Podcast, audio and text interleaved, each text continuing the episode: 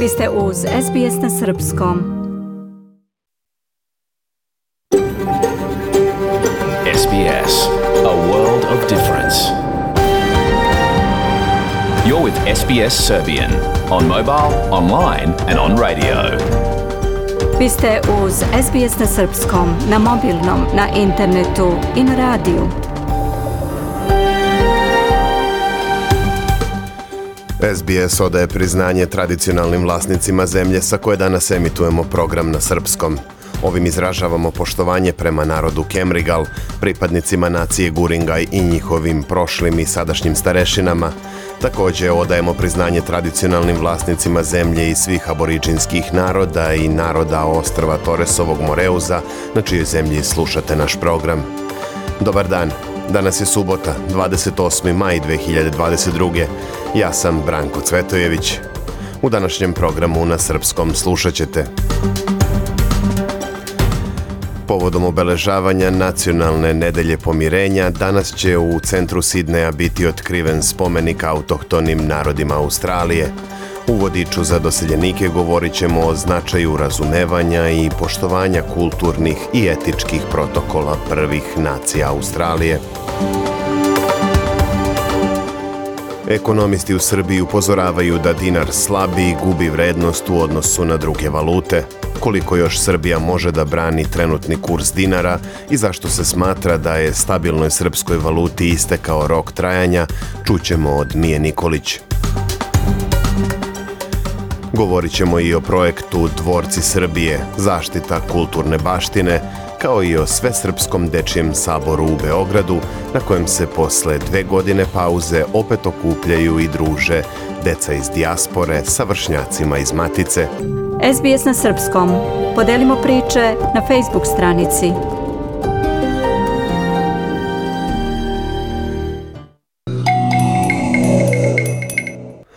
Od petka 27. maja pa sve do 3. juna obeležava se Nacionalna nedelja pomirenja.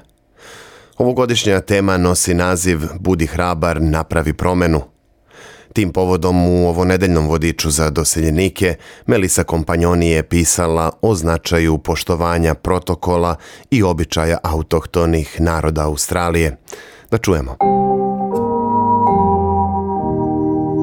Poštovanje kulturnih protokola australijskih aboriđina i naroda sa ostrava Toresovog Moreuza predstavlja važan korak ka razumevanju i poštovanju tradicionalnih vlasnika zemlje na kojoj svi živimo. Domorodački protokoli su zasnovani na etičkim principima koji oblikuju naše radne i lične odnose sa prvim australijancima – Od naročitog značaja su znanja koja aboriđini i narodi ostrva Toresovog Moreuza imaju o zemlji, na osnovu kojih možemo mnogo naučiti o brizi za našu životnu sredinu. Caroline Hughes je starešina nanaval naroda sa prostora današnje Kambere i regiona – Ona je izuzetno cenjena u zajednici zbog svog dubokog kulturnog znanja. Aboriđini i stanovnici ostrava Toresovog Moreuza su prvi narodi ove zemlje. Mi imamo sisteme verovanja i kulturne običaje koji sežu u prošlost do početka vremena i koji danas još uvek čine deo naših života u modernoj Australiji, kaže Caroline. Posmatrajući te kulturne protokole, priznajemo i neprekidnu vezu koju prvi Australijanci imaju sa zemljom i sa njihovim drevnim običajima, kaže Roda Roberts, SBS-ov rezidentni starešina. Usmene priče, protokoli i rituali onima se nastavljaju u našem narodu i dok se stvari prilagođavaju jer mi nismo statični ljudi, cela premisa i filozofija onoga ko smo mi je briga za našu zemlju, za naše more, naše vodene puteve i nebo. Termin autohtoni australijanci obuhvata i aboriđine i narode sa ostrva Toresovog Moreuza, ali i aboriđini sami sebe nazivaju pojmovima koji se bolje povezuju sa njihovim identitetom. Tako Caroline Hughes sebe zove ženom nanaval naroda. It's appropriate to call us Aboriginal or Torres Strait Islander. Iako je prikladno da nas zovete aboriđinima i narodima ostrva Toresovog Moreuza, ja više volim da me zovu Nanaval ženom jer je to moja zemlja. Dakle, moja zemlja je moja jezička i plemenska grupa, što drugim aboriđinima govori odakle dolazim. Naziv Kuri se, na primjer, često koristi za identifikaciju autohtonih stanovnika sa prostora Novog Južnog Velsa i Viktorije. Mari se koristi u Queenslandu, a aboriđini Tasmanije su palava. Narodi ostrva Toresovog Moreuza su starosedioci arhipelaga koji se proteže između poluostrva Cape York i Papua Nove Gvineje i oni su pretežno melanezijskog porekla. I zastave aboriđina i ostrvljana su različite i viore se pored australijske nacionalne zastave kako bi se odalo priznanje ovim domorodačkim narodima. Poštovanje iskazujemo i pozivajući se na termine kao što su autohtoni, aboriđini, stanovnici ostrava Toresovog Moreuza i zemlja, odnosno country. Ovo su vlastite imenice koje se pišu velikim početnim slovom, a korišćenje skraćenica smatra se neprekladnim, objašnjava Caroline Hughes.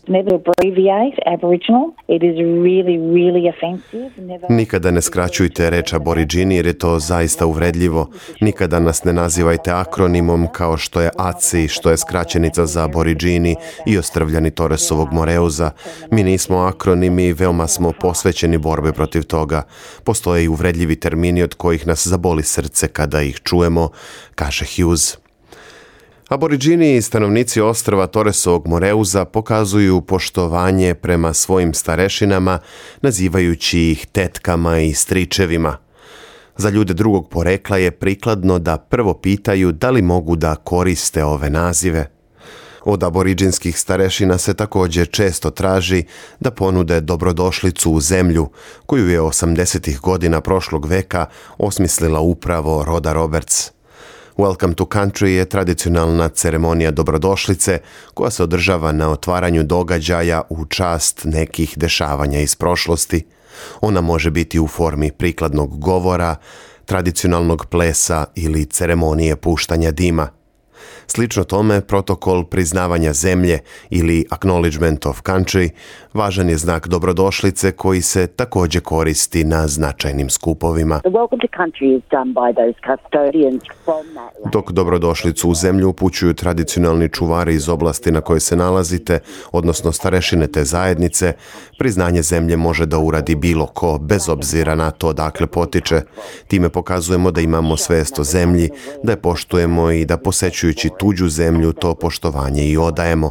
Priznanje zemlje je prepoznavanje da možda radite ili živite na nekom mestu, a iako to nije mesto odakle dolazite, i dalje mu pripadate i odaćete priznanje i zahvalnost njegovim čuvarima i starešinama. Kada se govori o protokolima, također je važno priznati istorijsku traumu koju su doživeli aboriđini i ljudi sa ostrva Toresovog Moreuza, kaže Caroline Hughes. Veoma je neprekladno govoriti o procentima, pa čak i o boji kože ili očiju, jer su naša deca odgajana u našoj kulturi, a to je za nas veoma specifično. Belačko ili neautohtono društvo je odbacilo ovu decu, dok su u kulturi aboriđini aboriđina oni pokloni iz duhovnog sveta. Oni su pokloni našim porodicama, našoj zajednici i uvek su bili prihvaćeni. To je kao kada pijete šolju čaja i dodate malo mleka i pored toga to je ipak šolja čaja. Isto tako smo i mi ono što jesmo. Roda Roberts podsjeća da je ideja kulturnog protokola univerzalna i da se u suštini odnosi na priznavanje drugih ljudskih bića. It's about kindness and compassion. Ovdje se radi o ljubaznosti i saosećanju. Za mene kao ženu iz naroda Viđabul protokoli su oduvek bili deo životnog ciklusa, a činjenica da ih i dalje praktikujemo pruža neverovatan osjećaj zadovoljstva. To je prava osnova, ali na kraju uvek kažem da su u pitanju pre svega dobri maniri, kaže Roda Roberts, a zabeležila je Melisa Kompanjoni u ovo nedeljnom vodiču za doseljenike. Slušate SBS radio. Ja sam Branko Cvetojević. Ostanite uz program na srpskom. Guvernerka Narodne banke Srbije Jorgovanka Tabaković tvrdi da je Srbija uprkos krizama koje potresaju svet uspela da održi relativnu stabilnost kursa dinara. Međutim, ekonomisti se ne slažu sa tim. Neki od njih kažu da je došao kraj periodu jeftinog novca, te da bi evro umesto 117 trebalo da vredi 150 ili čak 170 dinara. Kako se objašnjavaju upozorenja ekonomista da jaka valuta slabi nacionalnu privredu, čućemo u razgovoru sa Mijom Nikolić. Mija, dobar dan. Recite nam prvo ko ima koristi od jakog dinara. Precenjen dinar odgovara najpre uvoznicima, naročito velikim, odgovara i dužnicima, a najviše državi. Prvi, kako godinama upozoravaju domaći stručnjaci, više zarađuju jeftino kupujući devize kojima plaćaju robu. Drugima su rate za kredite u stranoj valuti manje, a kako je država sa već preko 30 milijardi duga najveći dužnik, nikako joj nije svejedno da li za, na primer, jednu milijardu evra godišnje treba da izdvoji 117 ili 150 milijardi dinara navode i neke druge kolateralne, ali politički vrlo značajne koristi. Jedna je da je sa precenjenim dinarom lakše doći do prosečne plate od onih famoznih sada 600 evra. A mi kome ne odgovara precenjen dinar? Precenjen dinar, kaže ekonomski novinar Mijat Lakićević, ne odgovara izvoznicima, jedino njima. Naglašava da je tako aktuelnom ekonomskom politikom oštećen najvredniji deo srpske privrede i društva, oni na kojima počiva budućnost zemlje. Ističe da su tako dugoročni interesi Srbije podređeni kratkoročnim interesima pojedinih grupa, slaba država popušta pod njihovim priticima iz populističkih ili koruptivnih razloga. Ukazuje Arsić, koji još od 2012. upozorava da Narodna banka Srbije treba da vodi politiku blagog slabljenja kursa dinara, jer precenjena domaća valuta slabi potencijale privrednog rasta. Mija, upozorenje na precenjen dinar ne dolazi samo iz redova ekonomista, već i od malih privrednika. Konkretnije, Unija Čačak 2000 uputila je otvoreno pismo i vlasti i opoziciju kazujući da je precenjen dinar jedna od glavnih prepreka za razvoj srednjih i malih biznisa, je tako? Nebojša Tanacković iz Unije poslodavaca Srbije već dugo ukazuje da kurs dinara ne pogoduje našim izvoznicima, ali ni proizvođačima u Srbiji, jer je konkurencija sa ovako jeftinim evrom nelojalna konkurencija. Posebno je istakao da se godinama govori da nam je kurs prema evru i drugim valutama nerealan, da su uvoznici u prednosti jer je sva roba koja nam stiže iz inostranstva jeftina zahvaljujući takvom kursu. Sa druge strane, kada naši proizvođači žele da izvezu, to je neisplativo jer po ceni koja je ekonomska za svoj proizvod dobiju suviše malo dinara za koje treba da plate sve troškove navodi on. Mija, ekonomisti kritikuju precenjen dinar. Koje argumente u toj kritici iznose? Što se cene precenjenog kursa dinara tiče, veliki broj stručnjaka je saglasan da ona smanjuje likvidnost privrede i deluje recesiono, a kao dokaz za to navode deficit u trgovini sa svetom u dužem periodu. To se navode održava relativno visokim prilivom kapitala iz inostranstva, od čega Srbija ima veliku zavisnost. Posledice su da privreda postaje manje konkurentna kad se ta precenjenost poveća što se upravo događa u Srbiji. Jer imamo visoku inflaciju, a stabilan kurs. Imaćemo i relativno veliki deficit koji je ranije finansiran zaduživanjem države i stranim kreditima, ali nije sigurno da će to uvek biti moguće. Ako tog novca iz inostranstva nema, troše se devizne rezerve. Kurs dinara Srbija može dugo da brani, ali precenjen kurs ne obezbeđuje rast privrede i smanjuje njenu likvidnost, kaže profesor Milojko Arsić. U svom tekstu Da li je jakom dinaru istekao rok, ekonomista Vojislav Guzina za politiku piše da će sve dosadašnje okolnosti koje su jačanju naše nacionalne valute išle na ruku krenuti u obrnutom smeru. On podsjeća na različita tumačenja razloga zašto i kako dinar dostigao toliku vrednost. Izvršna i monetarna vlast tvrdi zbog kvaliteta ekonomije, uravnoteženih javnih financija i niske inflacije, a stvarnost zbog visokog priliva deviza po osnovu stranih direktnih investicija i doznaka iz inostranstva. I na pitanje otkud toliki priliv deviza po osnovu stranih investicija, vlast to tumači poverenjem u stabilnost srpske ekonomije, a stvarnost da je razlog otvoreni poziv dođite, niko vam neće dati bolje uslove od nas, a to znači besplatno zemljište, gotova infrastruktura, velike budžetske subvencije, poreske i druge olakšice. On procenjuje da će stvari pogoršane ratom u Ukrajini krenuti u obrnutom smeru.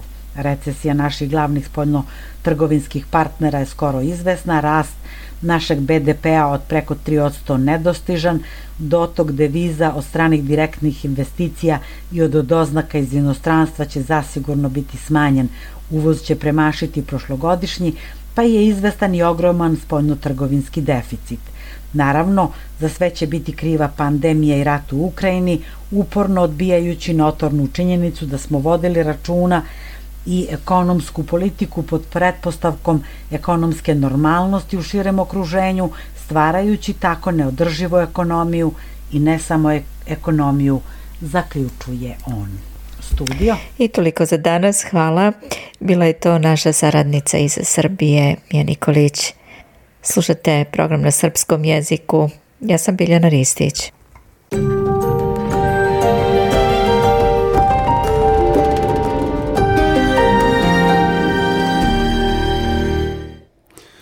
U Podgorici je u četvrtak otvorena renovirana Evropska kuća.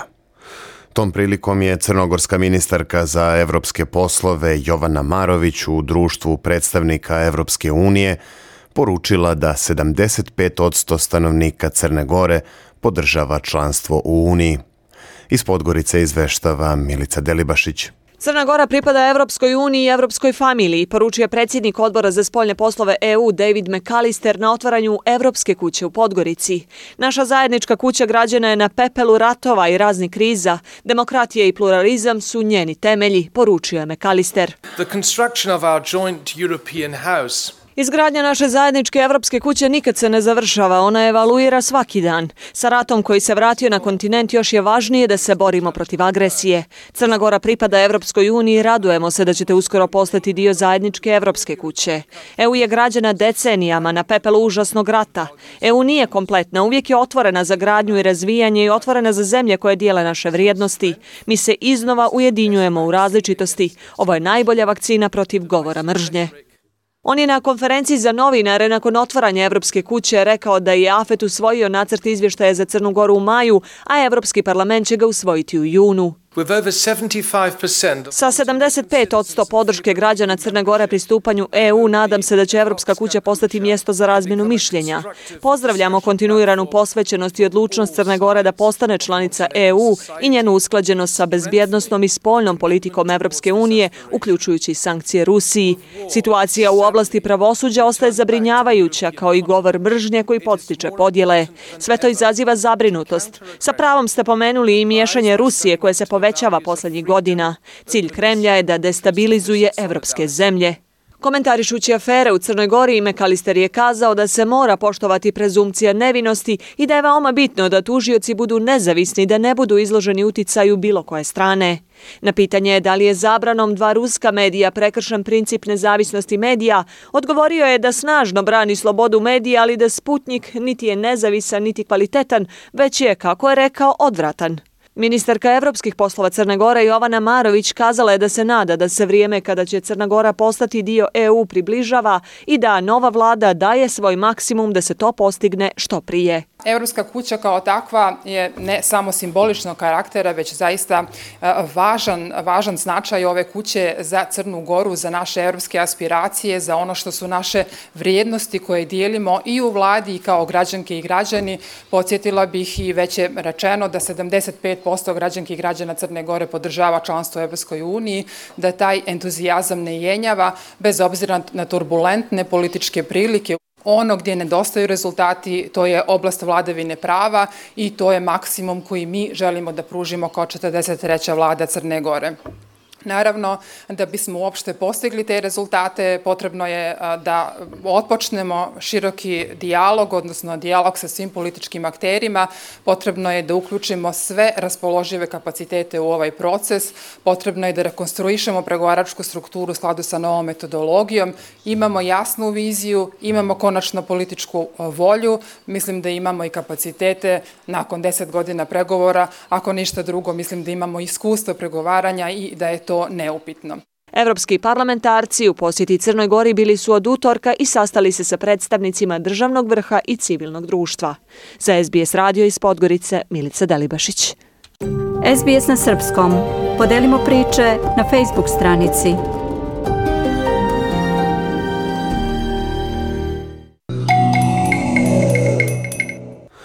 Potpredsednica tehničke vlade Srbije i ministarka kulture Maja Gojković predstavila je u Parizu projekat Dvorci Srbije zaštita kulturne baštine. Ona je tom prilikom istakla da je cilj projekta da se uz pomoć zemalja kao što je u prvom redu Francuska koja ima izuzetno očuvane dvorce, dođe do održivih rešenja za korišćenje srpskih dvoraca kada budu restaurirani. Više o tome u sledećem prilogu. Projekat Dvorci Srbije zaštita kulturne baštine pokrenut je novembra 2020. kao zajednička inicijativa dva ministarstva kulture i informisanja i građevinarstva saobraćaja i infrastrukture kao i civilnog sektora Fondacije za zaštitu kulturne i istorijske baštine i obuhvata 118 dvoraca i palata na teritoriji Srbije koji su pod zaštitom države rekao je pokrajinski sekretar za privredu i turizam dr. Nenad Ivanišević za jutarnji program radiotelevizije Srbije. U Srbiji postoji preko 100 objekata dvoraca, kaštela e, koji su bili nekad u funkciji, sada uglavnom nisu. Znači preko oko 90% nije u funkciji i u svakom slučaju mislim da ovo jeste dobar početak i dobro je što su i dva republička ministarstva i Zavod zaštitu spomenika i nevladne organizacije uključene u tu priču da što više prikažemo e, bogatstvo dvoraca, kaštela kojih ima e, po celoj Srbiji, naravno veoma mnogo ih ima i u Vojvodini i mi svako hoćemo da zajedno naravno sa turističkom organizacijom Vojvodine i sa pokrajinskom vladom ukažemo na značaj i očuvanja i onoga što to može biti potencijal, a svakako jeste jer gledajući razvijene zemlje e, Evrope svakako imamo ture obilaska tih dvoraca i mislim da je to veoma značajno da u nekoj nekom narednom periodu na, na turističkoj mapi Republike Srbije dvorci budu posebna turistička atrakcija. Predstavljajući projekat u Kulturnom centru Srbije u Parizu u petak, Ministarka Maja Gojković je kazala da je Francuska iskazala interesovanje da pomogne Srbiji u realizaciji projekta, te da veruje da će nakon pandemije i s imenovanjem nove vlade Francuske taj proces biti dodatno ubrzan. Time će naša ukupna, posebno kulturna saradnja dobiti novu vrednu dimenziju, navela je ministarka. Gojković je istakla i važnost obnavljanja dvoraca s obzirom da se na taj način dvorcima i vilama daje vredan doprinos i razvoju privrede i jačanju turističkih potencijala mnogih krajeva Srbije, ali i pokazuje nov, zreliji i odgovorniji odnos prema istoriji negovanju kulture sećanja, čime se jača svest o nacionalnom identitetu i oslanja na kulturnu baštinu kao potencijalu budućeg razvoja. Navela je da neki od tih objekata treba da postanu muzeji, drugi hoteli, restorani, vinarije ili lokaliteti na kojima će se snimati serije i filmovi. Podsjetila je da mnogi od tih objekata imaju veliki značaj za srpsku istoriju. Dinastija Karadžođević i Obrenović, porodice kao što su Stratimirović i Dunđerski, ali i uspešni industrijalci i trgovci poput srpskih kraljeva, tekstila, Teokarovića i dodala da je jedan od najvećih dvoraca u Srbiji dvorac Karačonji u Novom Mileševu pravi primer simbola nepoželjnog sistema vrednosti koji je dominirao u periodu od 1945. do 2000. kada su dvorci pretvarani u zemljoradničke zadruge i slično. Od 1980. do 2000. taj dvorac bio je pretvoren u fabriku hemijske industrije. Umjesto turista i muzejskih eksponata u njemu se i dalje nalaze cisterne fabrike koja je u međuvremenu bankrotirala. Tranzicioni izazovi posle 2000. u Srbiji doveli su do zapuštanja ili neadekvatne namene dvoraca, navela je ministarka. Pokrajinski sekretar za privredu i turizam, dr. Nenad Ivanišević, kaže za jutarnji program radiotelevizije Srbije da najveći broj tih dvoraca u Srbiji zapravo nema upotrebnu vrednost. Pa mi govorimo o 30 do 35 dvoraca, ajde da kažem, koji se mogu upotrebljavati ili koji se upotrebljavaju. Mi imamo recimo odličan primer najmlađeg vojvođanskog dvorca u, u Crnji koji je obnovljen zahvaljujući upravo sredstvima Ministarstva turizma ali e, isto tako imamo obilazeći lokalne samuprave veoma često nailazimo na priču o dvorcima pa onda zajedno kada odemo, pogledamo, vidimo da su to mesto u stvari gde su bili dvorci, tako da u ovom momentu ne, veći deo dvoraca nije u upotrebi i to upravo jeste i razlog zašto smo se svi aktivirali -huh. i naravno zahvaljujući inicijativi gospodina Roberta Čobana idemo dalje e, da svi zajedno se uključimo u rekonstrukciju ovih veoma značajnih objekata. Ministarka Maja Gojković istakla da je Francuska jedan od sinonima za kvalitetno staranje o ovoj vrsti kulturnog nasljeđa i da čvrsto veruje da će francuska iskustva i pomoć eksperata biti od velike koristi u procesu revitalizacije srpskih dvoraca i vila.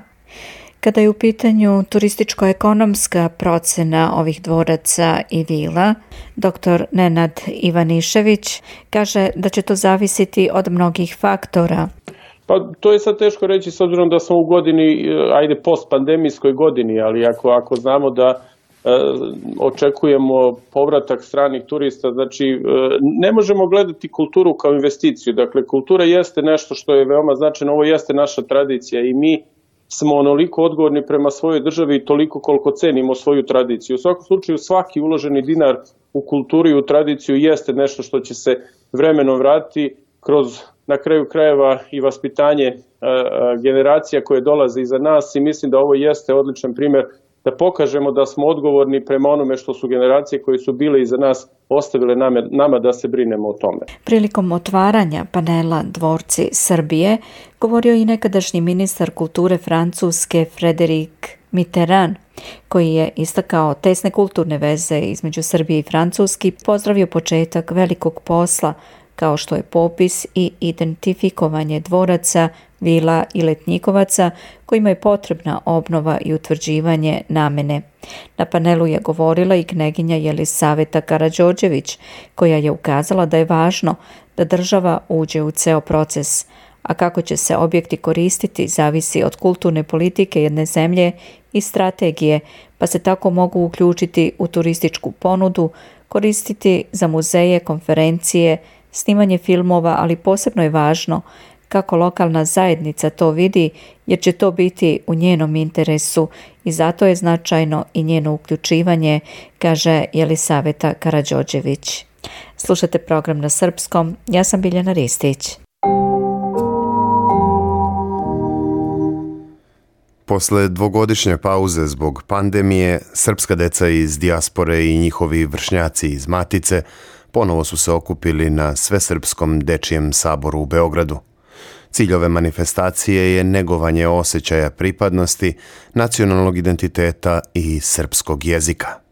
Sa Dečijeg sabora izveštava Hranislav Nikolić. U Dečijem kulturnom centru u Beogradu u petak je održan svečani koncert kojim je otvoren festival dece i mladih iz regiona, dijaspore i Srbije pod nazivom Sve srpski dečiji sabor, a koji se završio 29. maja. Deca i mladi iz rasejanja boravili su u srpskoj prestonici tri dana kako bi upoznali svoju zemlju porekla i njene kulturne tekovine. Bili su smešteni u domovima svojih vršnjaka iz Beograda. Deca iz četiri zemlje regiona i dijaspore imali su priliku da upoznaju Srbiju i njenu istoriju i kulturu kroz bogat kulturno-umetnički program osmišljen od strane Dečije kulturnog centra. Koncert održan u toj ustanovi otvorio je vršilac dužnosti direktora Uprave za saradnju sa dijasporom i Srbima u regionu Anro Gujon, koji se deci obratio sa dobrodošli u svoj Beograd, dobrodošli u Srbiju, dobrodošli kući. Bez obzira na mesto gde ste se rodili, svako od vas je na neki način potekao odavde. Odavde su krenuli vaši koreni pre mnogo decenja, mnogo vekova. I lepo je vas videti ovde sa vašim vršnjacima, vašim domaćinima iz Beograda. Ovih dana ćete lepo da se družite, da se upoznate. Možda iz tog druženja će se roditi i prijateljstvo. Ono što je najbitnije u životu i u to siguran sam ćete se uveriti u budućnosti. Prijateljstvo koje se rađa u detinstvu traje dugo. Sad ćemo da vidimo kako deca koja žive, koja su se rodila u inostranstvu, čuvaju svoj jezik, svoj identitet, svoju kulturu. Iako žive okruženi ljudima koji ne govore ni taj jezik i koji nisu nosioci te kulture. I to treba da pokaže svima nama koji živimo ovde u Beogradu, da gde god ima Srba, gde god neko govori srpski, gde god neko nosi u sebi srpska kultura, onda mi smo predstavljeni. Zato što svako dete koje nosi sve to u sebi, a živi van naše lepe zemlje ovde, je zapravo most između Srbije i sveta. Na ovogodišnjem Svesrpskom dečijem saboru učestvovala su deca iz Nemačke, Rumunije, Hrvatske i Slovenije, a domaćini su im bili učenici osnovne škole Starina Novak. U Beograd su bili članovi Nemačko-srpskog društva iz Frankfurta, učenici Teoretske gimnazije Dositej Obradović iz Temišvara, članovi Vukovarskog pevačkog društva Javorčići i Akademskog kulturno-umetničkog društva Kolo iz Kopra. Svesrpski deči sabor je manifestacija koju organizuje Gradska uprava Beograda, Dečiji kulturni centar Beograd uz podršku Uprave za saradnju sa dijasporom i Srbima u regionu Ministarstva spoljnih poslova Srbije pod pokroviteljstvom predsednika Srbije Aleksandra Vučića. Pre koncerta u Dečijem kulturnom centru Učesnike Svesrpskog dečijeg sabora ugostila je u Palati Srbija ministarka za rad, zapošljavanje, boračka i socijalna pitanja Darija Kisić, nakon čega su posetili Narodnu skupštinu, a osim toga, tokom manifestacije imali su priliku da vide hram Svetog Save i muzej Nikole Tesle. Na kraju da podsjetimo, pre pandemije virusa korona, tačnije 2017. godine, na Svesrpskom dečijem saboru učestvovali su i mladi iz Australije. Iz Beograda za SBS radio Hranislav Nikolić. Vi ste uz SBS na Srpskom.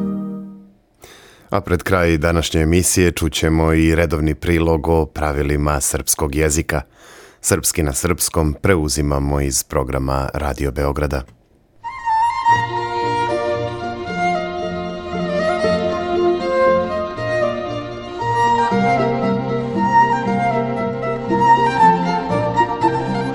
Srpski na srpskom.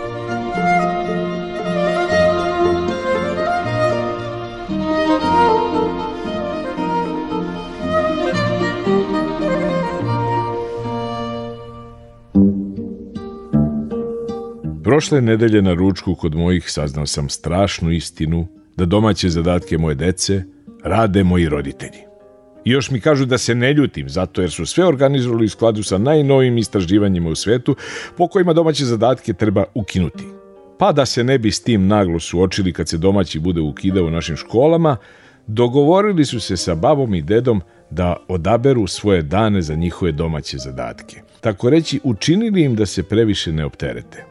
Još su ih ubedili i da im tako vežbaju vijuge, odlažu staračku demenciju i omogućavaju im uvid u savremena dostignuća u prirodnim i društvenim naukama. Pitam ih, e, kada to traje? Kažu, pa od prvog razreda. Pa zlikovci mali, kakva su to nova naučna dostignuća u azbuci i tablici množenja? A ja kao imam nazadna shvatanja za to, jer se oni zapravo bave obrazovanjem odraslih, a usput su i štedljivi, pošto džeparci ne plaćaju da im to rade nepoznate osobe, što je opšti trend. I zapretili mi da ću postati saučesnik u diskriminaciji starih, ako im ukinem tu naučnu saradnju koji izbližava sa babom i dedom. Zato jer bi oni bili jedini u njihovom razredu kojima babe i dede ne rade domaće zadatke. Srpski na srpskom.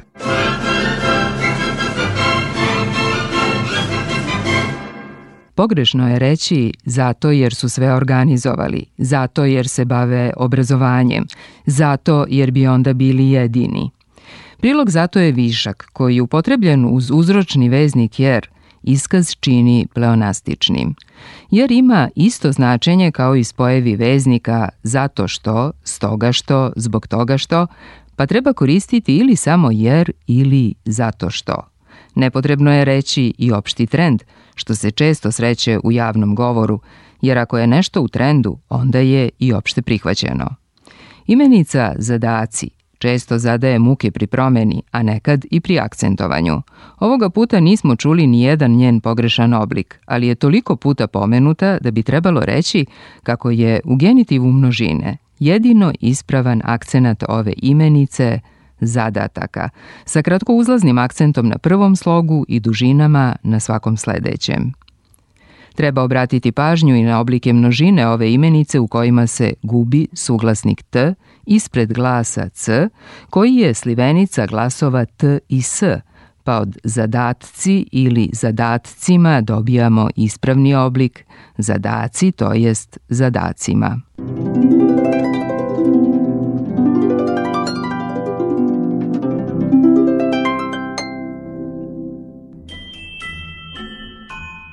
Više ne pitam decu šta imate za domaći nego moje roditelje. Ali kako se obeladanila ova njihova saradnja na naučnim osnovama i njih je prošla volja za rešavanjem zadataka i pisanjem sastava iz srpskog. Smučile su im se i prezentacije iz geografije i uopšte spopala ih je do sada čim su uhvaćeni da varaju. Dakle, domaći zadaci su se preselili u moju kuću gde je oduvek i trebalo da budu. A nadgledanje da budu urađeni preuzeo sam ja. A pošto nisam neki pedagog i metodičar, obratio sam se gospodinu Google za savet koji kaže Eliminišite reč domaći iz svog rečnika, ta reč frustrira decu. Umesto nje koristite reč učenje. Pustite im muziku. Obezbedite im radni prostor.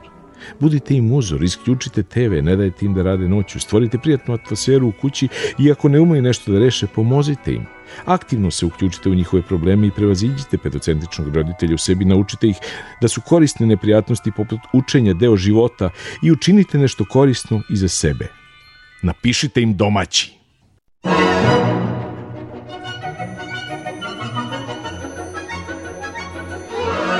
Srpski na srpskom pripremili i realizovali glumac Nikola Kojo, organizator Milena Borčanin, majstor tona Miroslav Živković i autor teksta i urednik emisije Mirjana Blažić.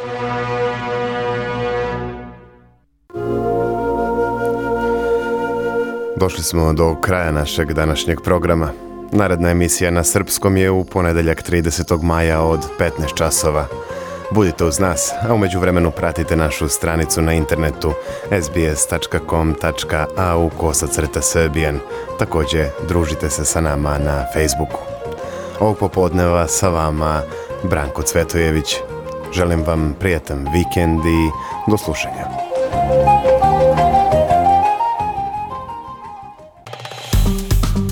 Dajte like, podelite, komentarišite, pratite SBS Serbian Facebook profil.